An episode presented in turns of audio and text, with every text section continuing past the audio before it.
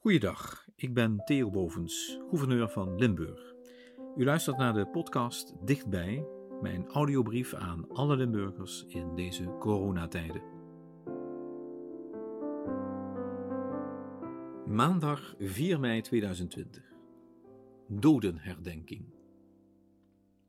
Gij zijt vrij. Zo sprak premier Pieter Gabrandi 75 jaar geleden op 5 mei via Radio Oranje het Nederlandse volk toe. Gij zijt vrij. Drink de beker der vreugde ten volle, maar vergeet niet dat het lijden van duizenden daarin is vermengd. Laat ons gedenken de doden en gemartelden, die het zaad moesten zijn waaruit onze bevrijding ontsprong.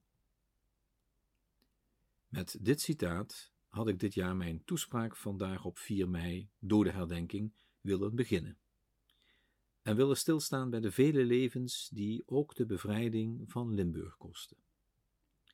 Niet alleen van onze bevrijders, maar ook van vele burgers, Limburgers. Limburgers die omkomen door de vele bommen die vielen op onze Limburgse dorpen en steden. Limburgers die gedwongen evacuaties door frontlinies of over vijandelijk gebied niet overleven. Limburgers die worden vermoord, om wie ze waren. En Limburgers, Limburgse mannen, die uit onze kerken geplukt bezwijken onder de dwangarbeid.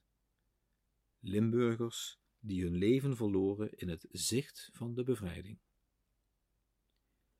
Maar in deze toespraak had ik ook willen spreken over Limburgers die nog na hun bevrijding hun leven verloren zoals de Joodse Werner van Gelder, die in 1933 als 24-jarige zijn land ontvlucht als Hitler aan de macht komt.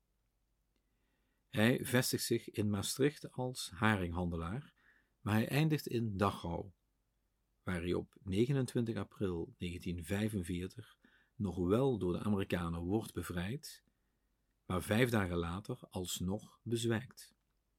Het is dan 4 mei, vandaag exact 75 jaar geleden. Of de Vaalsenaar Harry Heuschen, een rustige, bescheiden jongen, van wie je wellicht niet zou verwachten dat hij het lef had om Joodse onderduikers te helpen. Hij is twintig als hij eind 1942 wordt opgepakt, gevangen gezet en daarna naar Duitsland wordt gestuurd voor dwangarbeid. Ook hij wordt daar door de Amerikanen bevrijd. Hij sluit zich aan bij een eenheid Marokkanen, ja, ook zij vochten mee aan geallieerde zijde, om Bad Durheim in het Zwarte Woud te veroveren. Hij valt echter in handen van SS'ers die hem ter plekke fusilleren. En het is dan 26 april 1945, negen dagen voordat het Gij zijt vrij klonk voor het hele Nederlandse volk.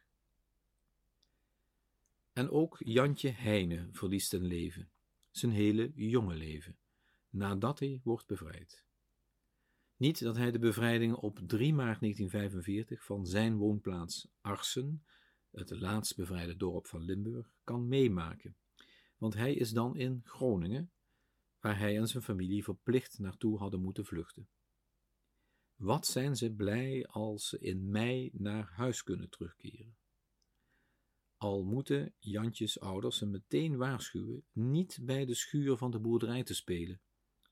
Dat is gevaarlijk. Daar liggen landmijnen. Maar kinderen zijn kinderen. Al spelend loopt hij op 22 mei toch op zo'n dodelijk projectiel.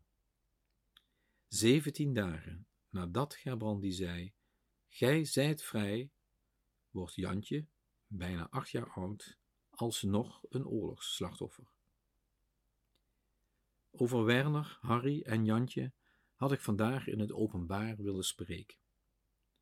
Om ons eraan te herinneren dat het nooit meer zou mogen gebeuren.